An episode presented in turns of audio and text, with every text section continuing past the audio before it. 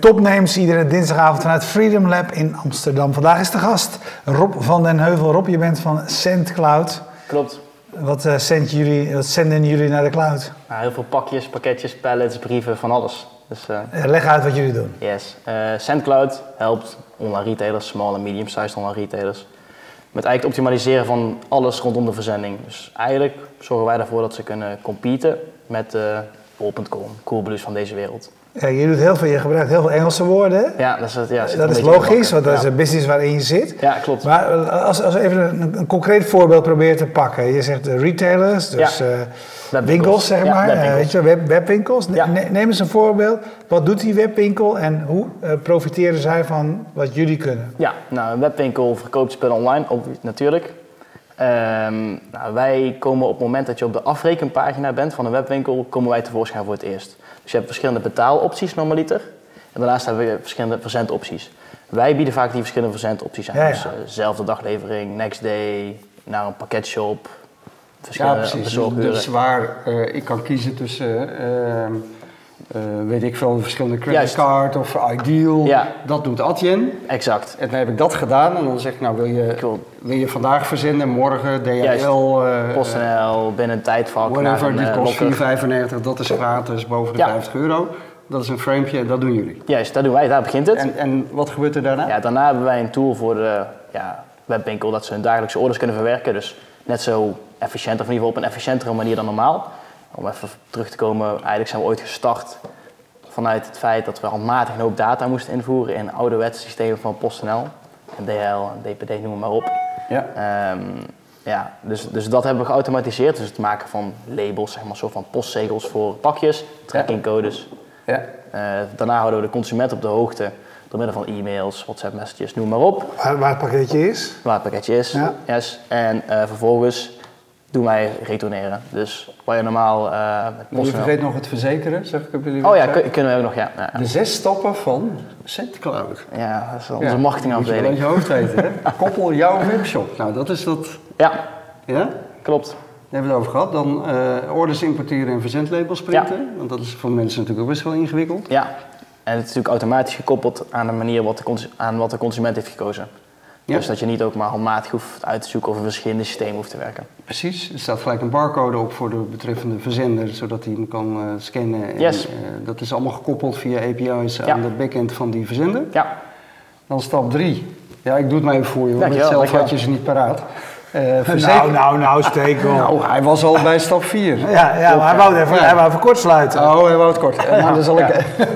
Oké, stap 3. Het verzekeren. Ja. Want dat is voor, als ik een webshop begin, natuurlijk ook een pain in the ass. Ja, je kan ze verzekeren, de orders, maar ik denk dat ongeveer 3% van alle orders echt verzekerd worden op dit moment. Oké. Dus het is maar een kleine add-on. Ja, ik heel weinig. Ja, klopt. Een webshop neemt het vaak voor verlies. Het verlies als, eh, van een pakje nemen ze voor lief. Ja. Stap 4. Labels plakken en versturen. Juist, dan wordt opgehaald door PostNL, DHL, DPD, UPS, noem maar op. Ja. Stap 5. Versturen een track-and-trace e-mail. Ja, Dat nemen jullie ook helemaal uit ja heel het communicatiestuk. Op het moment dat een parcel, een pakketje een bepaalde status heeft, dan wordt die automatisch. Ja, kun je een e-mail versturen. Dus stel je voor, het pakketje is onderweg, pakketje ligt bij de buren. Al dat soort zaken, die worden ook allemaal afgehandeld. Ja. Ja. En die kun je dan via ons platform weer configureren, aanpassen naar je eigen stijl, noem maar op. ja, en dan tot slot het, eh, het, het, eh, eh, de retourzending. Ja. Wat natuurlijk een pain in the ass is ook voor de... Ja, voor de retailer, maar ook voor de consument. Dus als je Ja. kijkt voor een consument, die moet vaak een retourzending terugbrengen naar een PostNL-punt of een labeltje eventueel nog printen, noem maar op. Wij hebben dat zoveel mogelijk geautomatiseerd. En omdat we al die verschillende logistieke netwerken koppelen, hoef je niet tot aan een PostNL-punt, maar kun je ook naar DPD of DL of UPS. Wat het aantal afgeefpunten zeg maar, van 2.500 naar 6.000 eh, verhoogt. Dus dan zit er bijvoorbeeld hier bij jou om de hoek een eh, DL-punt, breng het daarin in plaats van post. Hey, het is voor mij eigenlijk vrij eh, evident hoe waardevol het is. Maar als ik even terug ga naar het begin, denk ik, waarom zijn jullie dat eigenlijk gaan doen? Ja, want meestal begin je iets omdat je denkt van of, of ik los zo'n groot probleem op, of ik heb er zoveel lol in om het te gaan doen. En het, is, het is eigenlijk een fantastisch waardevol ding, denk ik. Maar waarom ben je het gaan doen? Nou, we hadden hiervoor een eigen webshop. Dus eh, eigenlijk alle drie de oprichters, mijn co zijn Bas en Zabi. Ja. Eh, ik en Bas hadden een webshop met telefoonaccessoires. Eh Zabi had los van onze webshop. Ehm, wij liepen eigenlijk tegen het probleem aan dat we iedere dag 40, 50 orders aan het verwerken waren. En ja, nadat we dat deden, waren we daar gewoon een uur, anderhalf mee bezig met alleen maar data vanuit het online retail systeem, dus dat is Magento toen de tijd, ja. over te typen naar het systeem van de vervoerders. Er was geen koppeling. Kon niet. Dat was 2012 of zo. Toen dachten we, ja, waarom niet? Alles is aan elkaar gekoppeld, payments, logistiek moet eigenlijk precies hetzelfde zijn. En ja, vanuit daar zijn we eigenlijk uh, gestart. We konden geen oplossing vinden. We hebben gezegd, oké, wacht even, dat moet aan elkaar gekoppeld worden. Dus je eigen probleem gaan oplossen? Ja, eigenlijk eigen probleem oplossen. Vanuit, ja, vanuit daar hebben we het al verder natuurlijk uh, ontworpen. Maar we kwamen op een gegeven moment ook hele fora tegen... waar alleen maar klachten op stonden van mensen die hetzelfde probleem hadden. Dus toen dachten we, hé, hey, wacht even.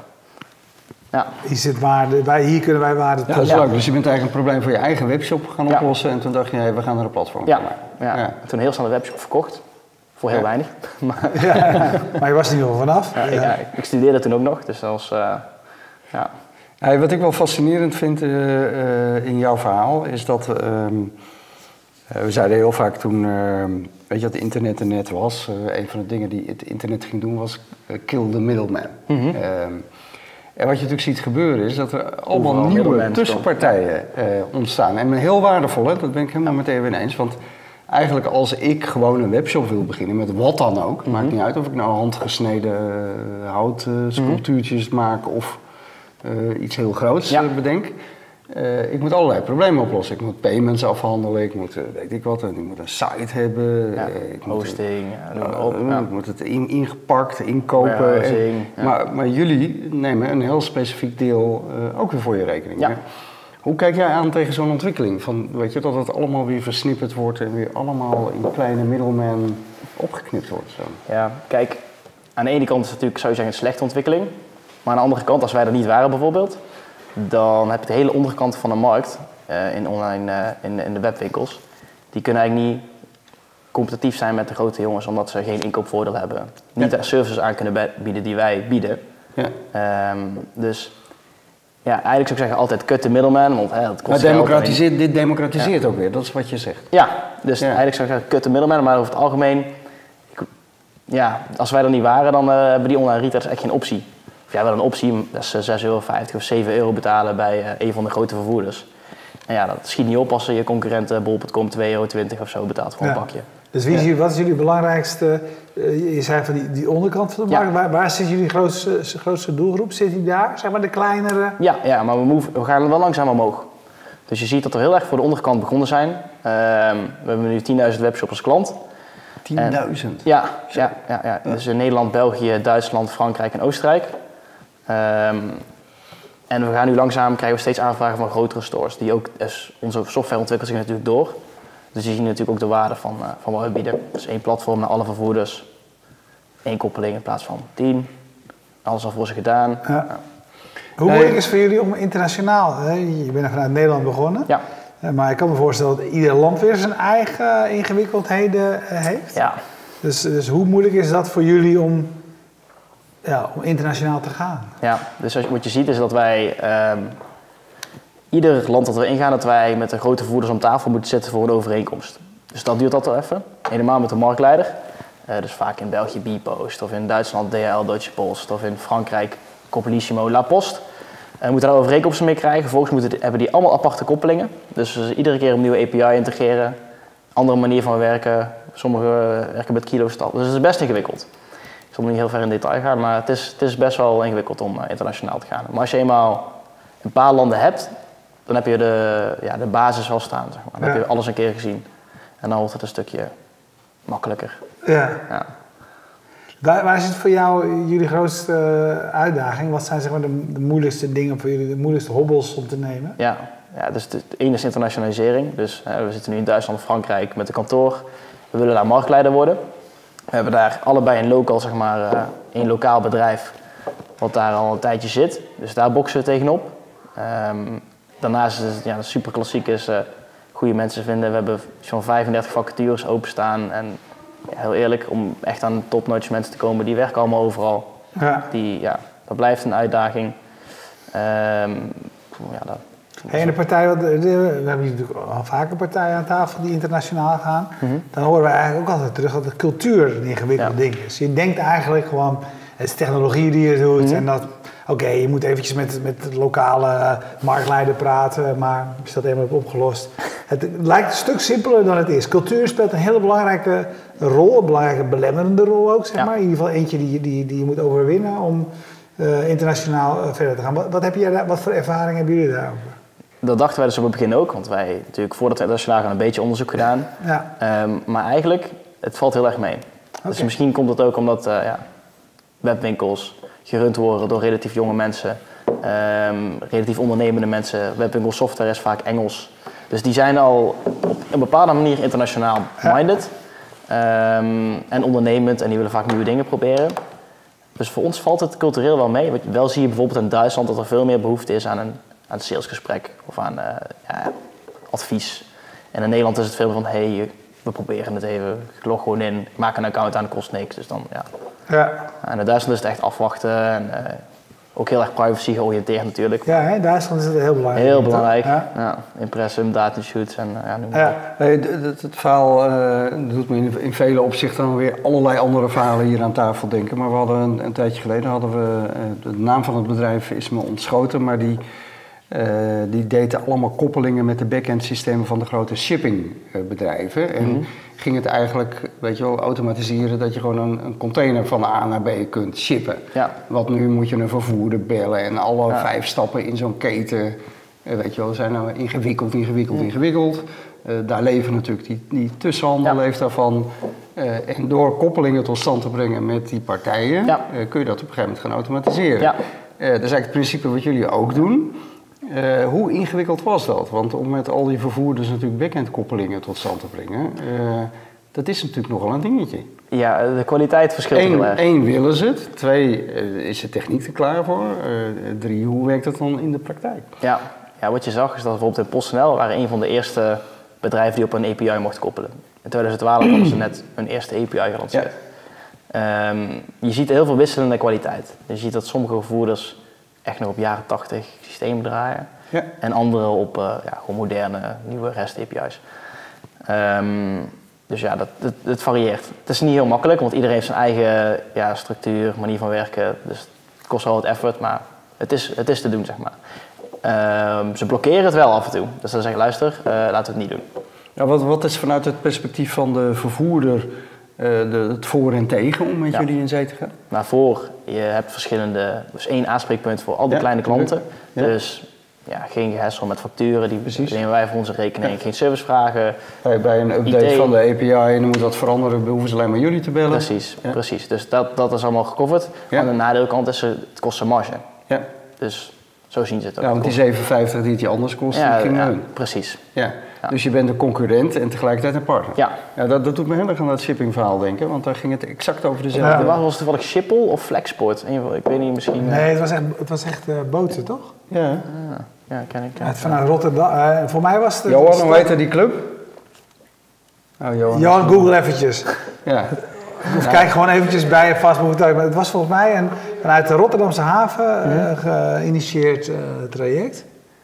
Ja, maar goed, Maakt niet zoveel uit. Je moet even op Twitter kijken. We verstaan nee, maar het gaat om, de, we zien natuurlijk een, paar algemene principes hier. Dat, uh, en dat vind ik ook interessant aan. Van dat, uh, je gaat enerzijds ga je concurreren met die bedrijven, want die verdienen hun geld aan het ingewikkeld maken van hun processen. En ze, uh, de klanten hebben ze toch nodig. Ja. Um, maar inmiddels heb je ze volgens mij allemaal op je platform, of niet? Ja, bijna allemaal. Mis je er nog grote vervoerders?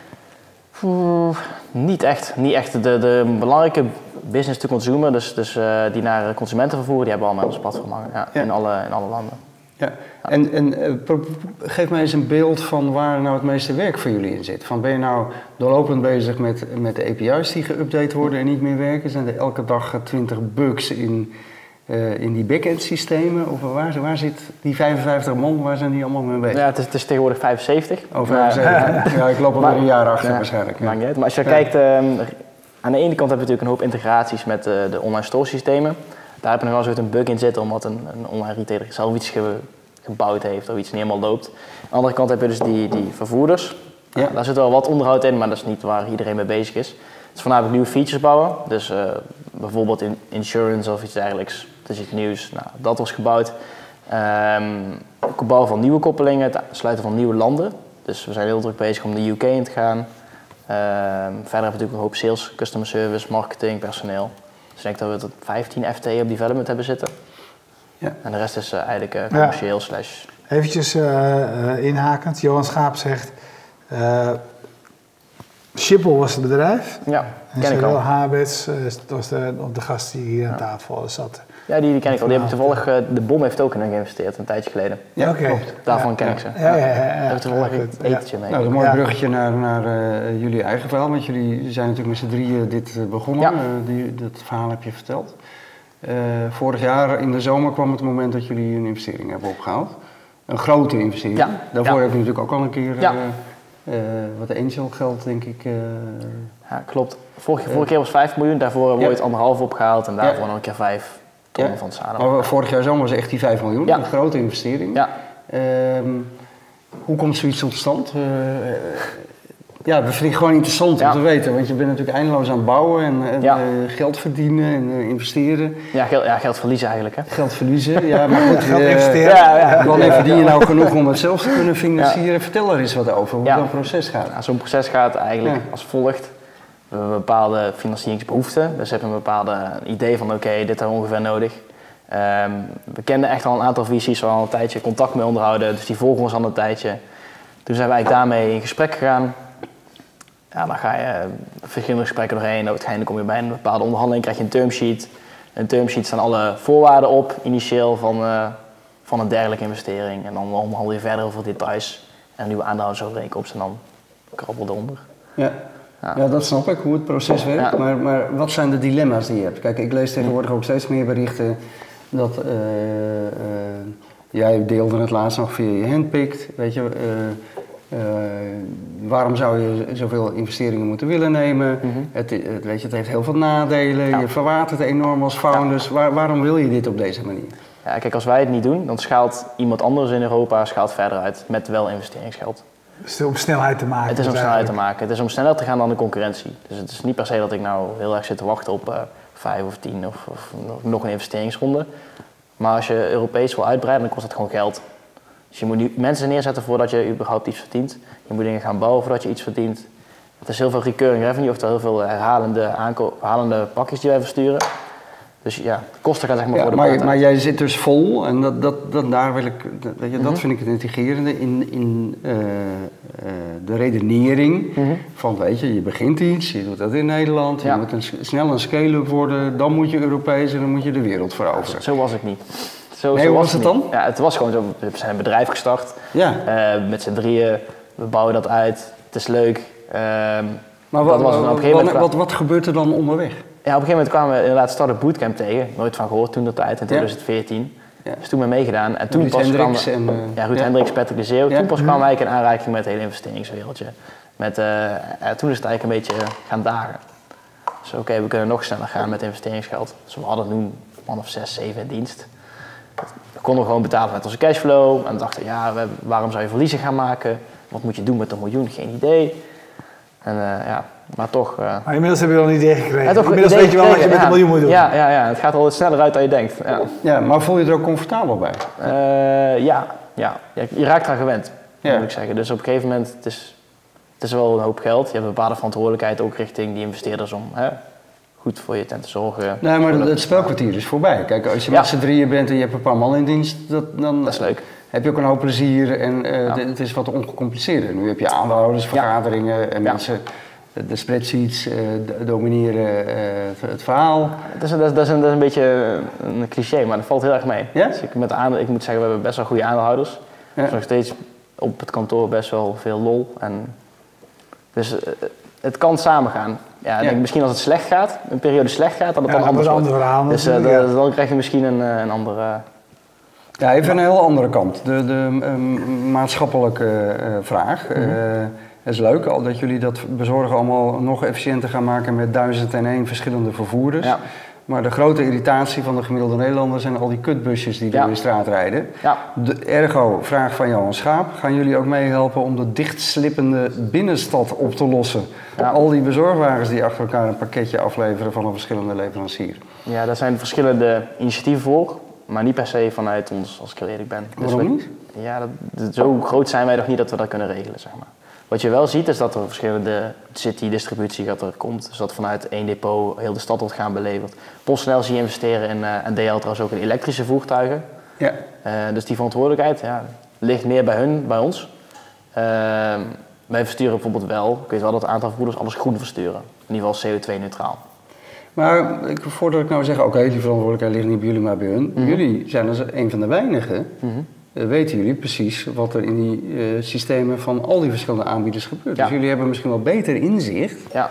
dan e-, een individuele vervoerder. Ja, ja op, op, je bedoelt op dichtheid en op aantal pakjes per... Uh, ja. Dus er ligt daar niet juist de verantwoordelijkheid bij, bij integratiepartijen zoals jullie? Ja, dat, dat, zou je misschien wel kunnen zeggen. Zo heb ik er heel eerlijk gezegd nog niet over nagedacht.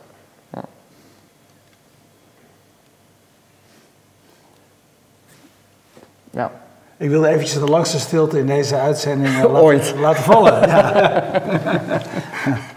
maar ja, dat is, ik zou zeggen, wat wij natuurlijk doen, het zijn gesprekken. Dus het is mooi van als we wederzijds uh, op, uh, op gedachten worden gezet. Ja.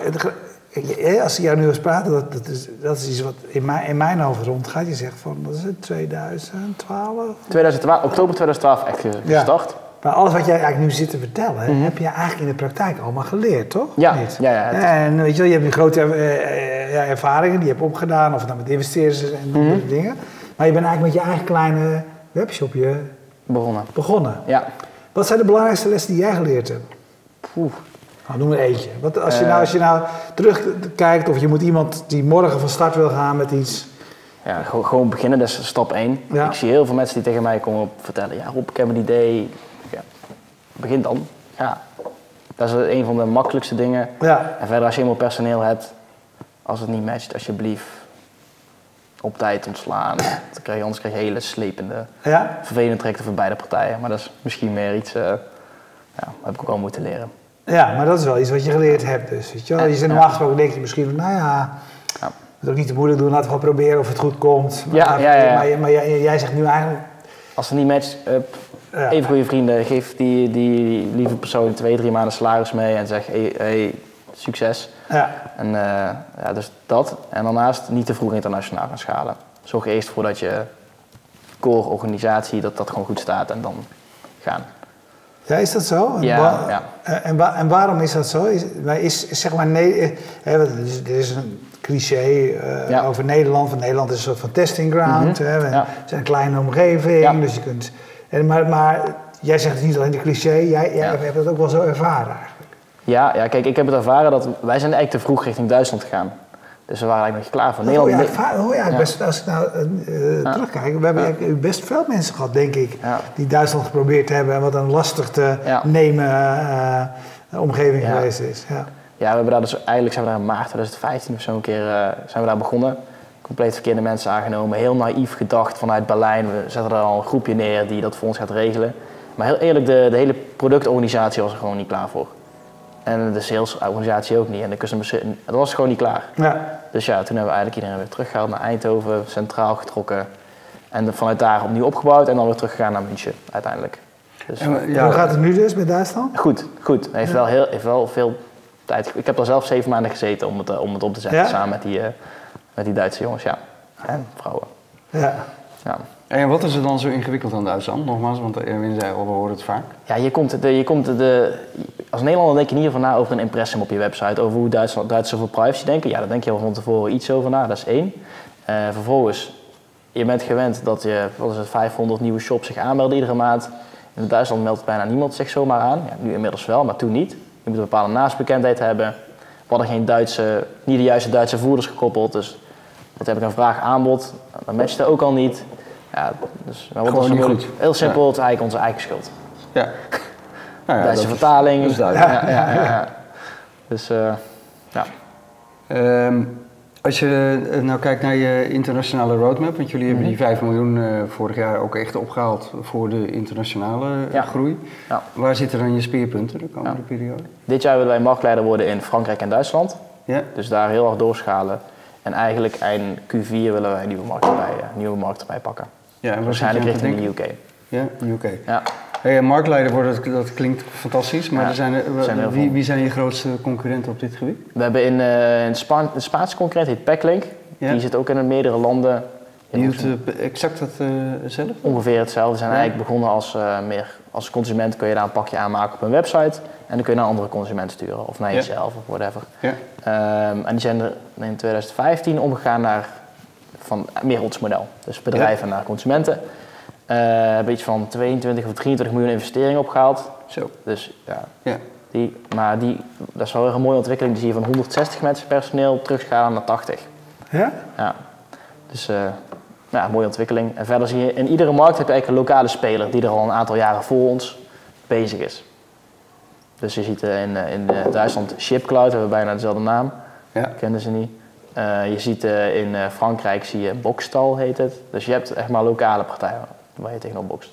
Ja. ja. Maar goed, dat is een, een, zeg maar, een kracht hebben. Je hebt een, een, vergelijkbaar probleem overal op te lossen. Ja. Uh, en weet je, normaal gesproken zou ik denken, als je, wist, als je nu zou beginnen, zou je misschien afvragen, moeten we wel zo'n complex probleem proberen op te lossen? Mm Maar als je het complex probleem oplost, dan los je het ook meteen op voor een hele grote ja hele grote partij. Is dat, is dat wat, wat jullie toegevoegde waarde is? Ja, ik denk het wel. Het is, een, het is best relatief complex. En inderdaad, wij lossen het hele logistieke probleem op in één keer. Dus niet dat je een kleine tool hebt voor dit, een kleine tool hebt voor dit, een kleine tool hebt voor dit. Het is gewoon in één keer heb je het als het goed is uh, afgehandeld, geregeld. Verlang je wel eens terug naar je eigen kleine webshopje? Niet naar de webshop, maar wel naar de tijd dat we met 10, 15 mensen zaten. Af en toe denk ik wel, ja. Ja, waarom? ja, dan heb je echt een heel sterk familiegevoel. Dat is er nu nog steeds wel, maar wel in mindere mate. Ja. En er komen zoveel nieuwe mensen bij dat je, ja, om dat te behouden, dat vinden we heel erg belangrijk. Uh, maar dat is gewoon moeilijk. dat is heel moeilijk, ja. Dus, uh, dus, daarom. En uh, heel veel onzin op kantoor toen. Ja. Oké, nou hartstikke mooi verhaal. Ehm, dus als we, tot slot vragen, als we je over een jaar uit zouden nodigen, dan zitten jullie in Londen met een kantoor. En, ja. Ja? Ja, ja, ja, ja. Hoe ver ben je met de plannen? Uh, niet ver. Niet ver. Ja, we weten een beetje. Ja, maar je hebt de volgorde aangegeven. Eerst Duitsland, Frankrijk. Ja, die Britten zijn nog arroganter misschien wel dan elk ander land, toch? Ook een hele, heel, hele moeilijke, moeilijke markt. hè? Heel veel vervoerders. E-commerce lopen ze voor in plaats van. Uh, Duitsland loopt weer achter, hè? Veel Duitsland loopt achter, Frankrijk loopt achter, België loopt achter, Oostenrijk loopt achter. ja, dus dan heb je ook in een markt die voorloopt, heb je de meeste partijen hebben al iets ingeregeld. Precies, ja. precies. Dus dat is uh, een uitdaging. Spannend. Ja. ja. Mooi man. Nou, heel veel succes, heel veel succes daarmee. En kom het uh, graag nog een keer willen vertellen. Dat is goed. Ja. Hey, dankjewel. Jullie bedankt voor het kijken en we bedanken zoals altijd uh, de sponsors. Stekel, wat voor, ik heb een heel ingewikkeld biertje dat Dead Guy Ale Rogue heet. Is het lekker? Dat is heel lekker, absoluut. absoluut. Okay. we danken dat natuurlijk aan Bier Co, onze biersponsors. We danken zoals altijd Freedom Lab van waaruit wij uitzenden, wat ben je aan het doen, uh, Martinez? We danken Martinez voor het instarten van uh, de, de eindlieder. Van de, eindlieder en de beginlieder. Uh, we bedanken Jetstream uit Groningen voor de livestream. Missing wat? Heb je de hosting gedaan? Ja, PQR. PQR, oké. Okay, nou, en Martinez. En Martinez. Ja, ja, dankjewel.